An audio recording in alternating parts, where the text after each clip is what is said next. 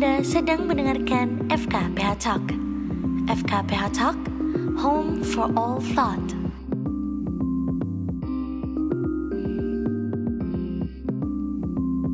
Assalamualaikum warahmatullahi wabarakatuh. Halo teman-teman pendengar Step KPH Talk. Gimana nih kabarnya? Semoga baik-baik aja ya. Semoga sehat-sehat selalu. Pokoknya selalu dalam keadaan yang baik. Dan alhamdulillah nggak kerasa FKPH Talk telah memasuki episode yang keempat. Di sini dengan aku Mafira Liza sebagai Wakil Sekretaris Umum FKPH akan menemani pendengar semua di episode kali ini dengan topik yang menarik untuk diperbincangkan, yaitu konsepsi child free yang bakal diulas dari perspektif hak asasi manusia. Oke teman-teman, berbicara mengenai child free atau secara definitifnya merujuk pada seseorang yang memilih untuk tidak memiliki anak itu telah hadir dari abad ke-20 teman-teman dan bahkan telah menjadi isu kontemporer di era modern.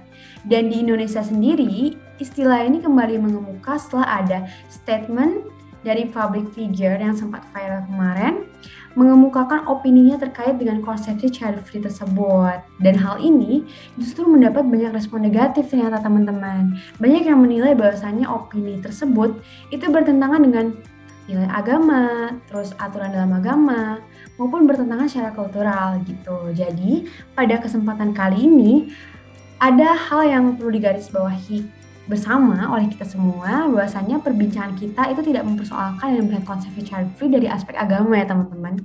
Namun lebih menitik beratkan pada penggunaan kacamata hak asasi manusia dalam melihat fenomena child free. Nah, jadi fenomena ini banyak sekali dikaitkan dengan gerakan feminisme yang melihat bahwa konstruksi sosial sangat dekat dengan budaya patriarki sehingga menimbulkan ketimpangan dalam memperlakukan seseorang berdasarkan gender mereka, terutama wanita ya teman-teman, terutama perempuan, di mana perempuan ini banyak mengalami pembatasan yang lahir secara kultural gitu, dan berlangsung sangat lama dan implikasinya pun telah menjadi bagian dari kebiasaan wanita gitu, di mana wanita cenderung diasosiasikan sebagai objek yang hanya bertugas mengurus rumah tangga atau sesederhana wanita yang selalu dianggap lebih rendah atau enggak lebih lemah sehingga dalam beberapa pekerjaan tertentu keterlibatan wanita ini masih tertutup gitu. Namun pada dasarnya teman-teman, konsepsi child free ini tidak hanya sesempit menyoal mengenai ketimpangan perlakuan berdasar gender semata atas ketidakbebasan yang dialami wanita. Namun pada dasarnya menjadi akan menjadi lebih luas ruang ruang lingkupnya apabila keputusan tersebut itu diambil oleh dua orang yang telah terikat suatu hubungan pernikahan yaitu antara suami dan istri sehingga laki-laki turut mengambil suatu peran penting di dalam lingkup keluarganya sendiri untuk turut memutuskan jalan hidup keluarganya gitu. Namun di luar daripada itu, ada hal yang lebih menarik nih teman-teman untuk dianalisis dari fenomena child ini. Nah, jadi dalam budaya timur, membangun keluarga adalah sama dengan membangun generasi.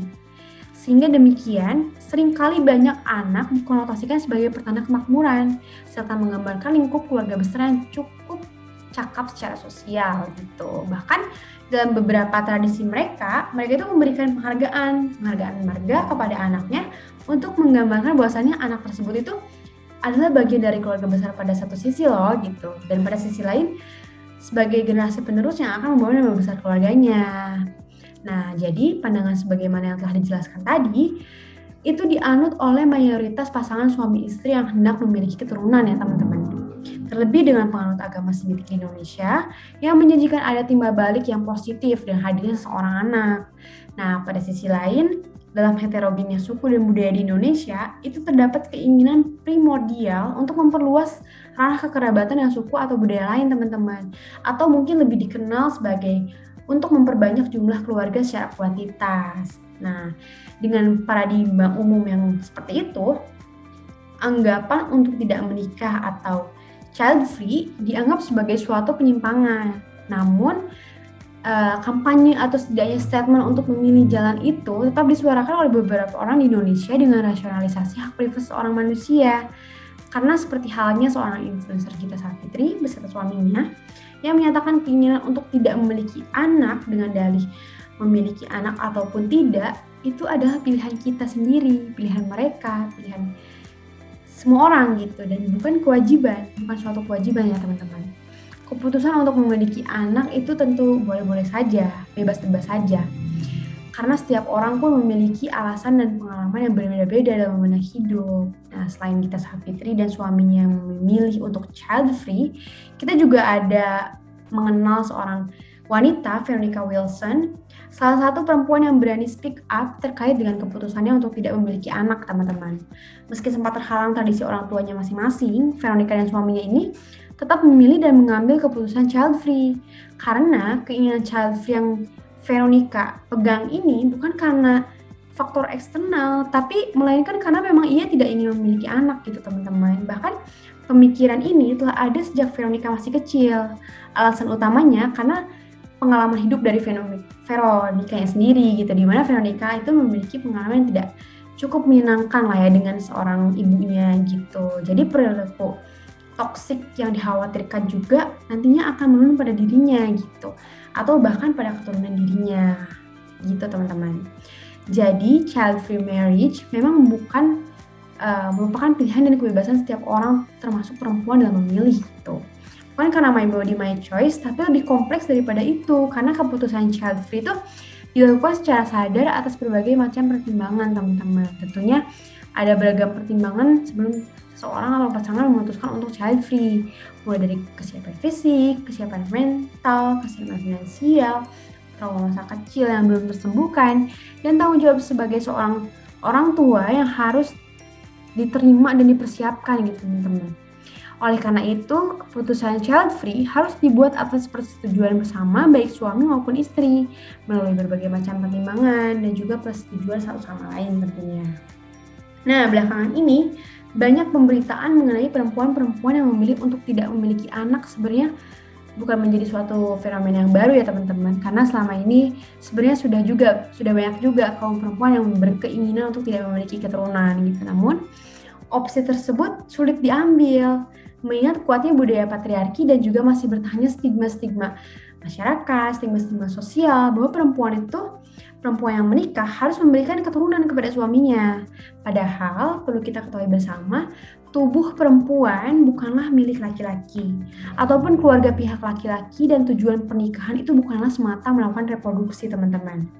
Suami itu nggak berhak memaksa beberapa jumlah anak, berapa jumlah anak dalam pernikahannya berdasarkan kemauannya sendiri gitu teman-teman. Karena kesepakatan memiliki anak dengan perempuan yang menjadi pasangannya itu lebih penting karena kenapa? Karena perempuan ini memiliki otonomi atas tubuhnya sendiri. Perempuan memiliki otonomi atas rahimnya sendiri juga gitu dan pemaksaan kehamilan itu juga merupakan bentuk kekerasan seksual terhadap perempuan, teman-teman. Nah, selain kita Safitri tadi dan juga Veronica Wilson yang telah dijelaskan, terdapat beragam pasangan suami istri lainnya memilih untuk tidak memiliki anak dengan berbagai alasan. Salah satunya mengenai overpopulasi jumlah manusia yang terus meningkat akibat mereka turut membuat keturunan gitu. Jadi pada dasarnya hal ini berangkat dari tujuan yang baik sebenarnya teman-teman. Namun dalam culture di negara kita sendiri pandangan seperti ini tuh tidak mudah untuk diterima oleh publik karena untuk itu penting untuk kita semua jika kita menggali hal ini dari dua dimensi dari dimensi personal yang memiliki kepentingan subjektif untuk tidak memiliki anak, serta dari dimensi publik yang memiliki agenda kontrol atas overpopulasi tersebut.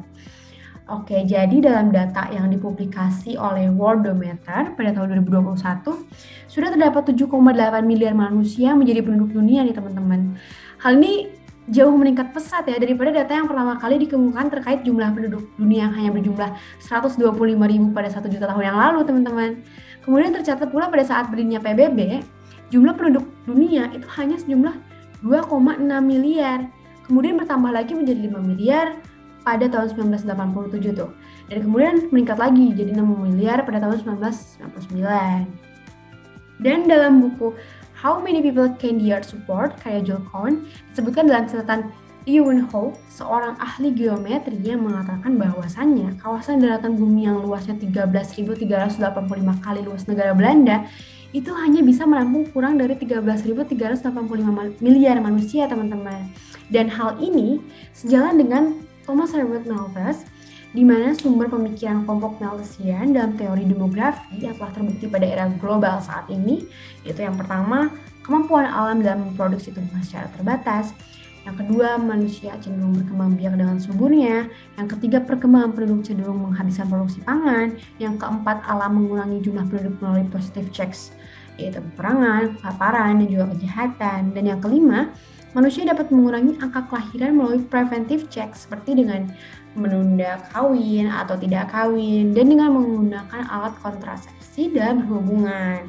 Nah, begitu pula di Indonesia, pertumbuhan penduduk terjadi sangat-sangat drastis, teman-teman. Kita ketahui bersama pada 1971, jumlah penduduk itu hanya sebesar 119,20 juta. Terus kita lihat lagi, kemudian pada tahun 1990 itu bertambah jadi 179,38 juta. Dan juga pada tahun 2020 kemarin, sejumlah 270,20 juta, di mana peningkatannya itu sangat drastis teman-teman. Dan hal ini membuat Pulau Jawa menjadi pulau dengan penduduk terpadat di dunia dengan jumlah penduduk sebanyak 141 jiwa. 141 juta jiwa. Tentu sangat-sangat berbahaya jika kepadatan penduduk tersebut tidak dapat dikontrol dengan baik gitu teman-teman. Karena hal-hal buruk seperti inflasi, polusi, kelaparan, dan lain sebagainya itu akibat dari meledaknya jumlah populasi. Nah, berkaitan dengan child free serta overpopulasi yang tadi telah dijelaskan, yang memiliki korelasi ini setidaknya terdapat dua dimensi permasalahan yang harus terjawab pada pembahasan hukum. Pertama, berdasarkan berdasarkan subjek suami istri yang memilih untuk child free, maka terdapat rasionalisasi berupa hak privat yang tidak bisa sembarang disentuh oleh orang lain, teman-teman. Kedua, juga adalah berdasarkan subjek negara yang terwakili oleh pemerintah dalam agenda kebijakan publik, di mana untuk mengontrol kesejahteraan rakyat dalam hal kepadatan penduduk.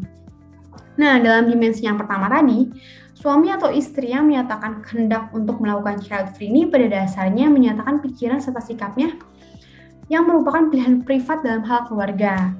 Nah, terkait dengan hal tersebut, sebenarnya dalam Undang-Undang Dasar Negara Republik Indonesia 1945 itu telah menjamin kebebasan seseorang untuk menyatakan pikiran dan sikap sesuai dengan hati nuraninya sebagaimana tercantum dalam pasal 28 ayat 2 di mana yang menyatakan bahwa setiap orang berhak atas kebebasan meyakini kepercayaan, menyatakan pikiran dan sikap sesuai dengan hati nuraninya.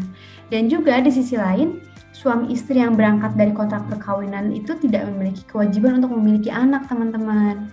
Hal ini juga bisa kita simpulkan bersama dari makna perkawinan sendiri yang tercantum dalam Undang-Undang Nomor 1 Tahun 1974 yang menyatakan bahwa ikatan lahir dan batin antara seorang pria dengan seorang wanita sebagai suami dan istri dengan tujuan membentuk keluarga atau rumah tangga yang bahagia dan kekal berdasarkan keturunan eh ketuhanan yang Maha Esa. Oke, dengan dengan demikian yang menjadi kewajiban dari suami dan istri dalam ikatan perkawinan adalah untuk membentuk keluarga yang bahagia dan kekal, teman-teman. Dan dengan pemaknaan yang lebih sempit, bukan untuk memiliki seorang anak. Jadi, berbeda halnya apabila suami dan istri memiliki anak, maka dalam hal hubungan keluarga mereka memiliki kewajiban baru nantinya untuk mendidik anak mereka sebaik-baiknya dengan sebaik-baiknya gitu. Sebagaimana dalam pasal 45 ayat 1 Undang-Undang 1 tahun 1974 itu telah memanifestasikan bahwasanya ada statement-statement untuk uh, mendidik anak mereka secara baik gitu dan hal inilah yang menjadi rasionalisasi dalam hal yuridis terkait pilihan untuk tidak memiliki anak bagi pasangan suami istri. Oke, terkait kebijakan publik, pemerintah sebagai representasi negara ini tidak perlu turut campur untuk mengurusi persoalan child ini karena Kenapa? Pada dasarnya berada pada hal ini tuh berada pada domain privasi seseorang gitu teman-teman. Juga sebagai penganut demokrasi, tidak sepatutnya pula pemerintah mengatur atau merekomendasikan rakyat Indonesia untuk melakukan child free karena berangkat pada nilai dan budaya Indonesia itu tidak akrab dan cenderung untuk menolak hal tersebut gitu. Karena sekalipun pada masanya dibutuhkan nih nanti misalnya kebijakan child free pada wilayah rekomendasi misalnya, hal tersebut justru mesti berangkat dari pertimbangan sosiologis serta aspirasi dari masyarakat sendiri secara luas gitu kan teman-teman. Jadi dengan tanpa keinginan rakyat, maka akan terjadi potensi besar kebijakan yang keliru nantinya atau penyelewengan-penyelewengan implementasi oleh masyarakat itu sendiri gitu. Uh, salah satu kebijakannya nih kita berkaca pada kejadian di Cina gitu. Kejadian yang keliru secara implementasi terkait child free ini, yakni kebijakan one child Wajah polis di Cina pada pemerintahan Deng Xiaoping yang diberlakukan pada tahun 1979 sampai 2015 dengan slogan Leather, Longer, dan Fewer. Pada mulanya memang kebijakan ini relevan teman-teman karena berangkat dari kondisi Cina waktu itu sebagai negara terpadat di dunia. Kita akui bersama bahwasanya memang Cina sebagai negara terpadat di dunia. Bahkan bagi yang melanggar, itu tuh diberikan denda serta sanksi administratif teman-teman. Namun dalam implementasinya, justru rakyat Cina ini menjadi sering melakukan praktik aborsi. Nah, maka dari itu, selain child free, banyak cara mengontrol keberadaan penduduk sebenarnya teman-teman. Paling minimal melalui edukasi yang bersifat preventif atau yang bersifat ramah lingkungan, seperti ajakan untuk menjaga dan memelihara lingkungan misalnya menjaga dan memelihara lingkungan secara baik, yang mana dalam hal ini lingkungan adalah variabel yang banyak terpengaruh akibat kepadatan penduduk atau dapat melalui peran making policy sebenarnya. Jadi dari peran making policy ini melalui kebijakan secara langsung, di mana hal ini kebijakan secara tegas memang tidak bisa melarang secara langsung memproduksi anak gitu teman-teman. Namun kebijakan yang tepat adalah kebijakan yang baik pada wilayah pelindungan lingkungan hidup serta peningkatan ekonomi hidup ekonomi individu setiap orang, teman-teman. Jadi, contoh kebijakan yang pernah diterapkan di Indonesia dalam permasalahan kepadatan penduduk adalah transmigrasi, teman-teman, untuk meratakan persebaran penduduk dengan pendekatan ekonomi yang mana pada era Orde Baru yang diperkirakan sejumlah 174 ribu orang dengan fokus penyebaran kepada luar Pulau Jawa.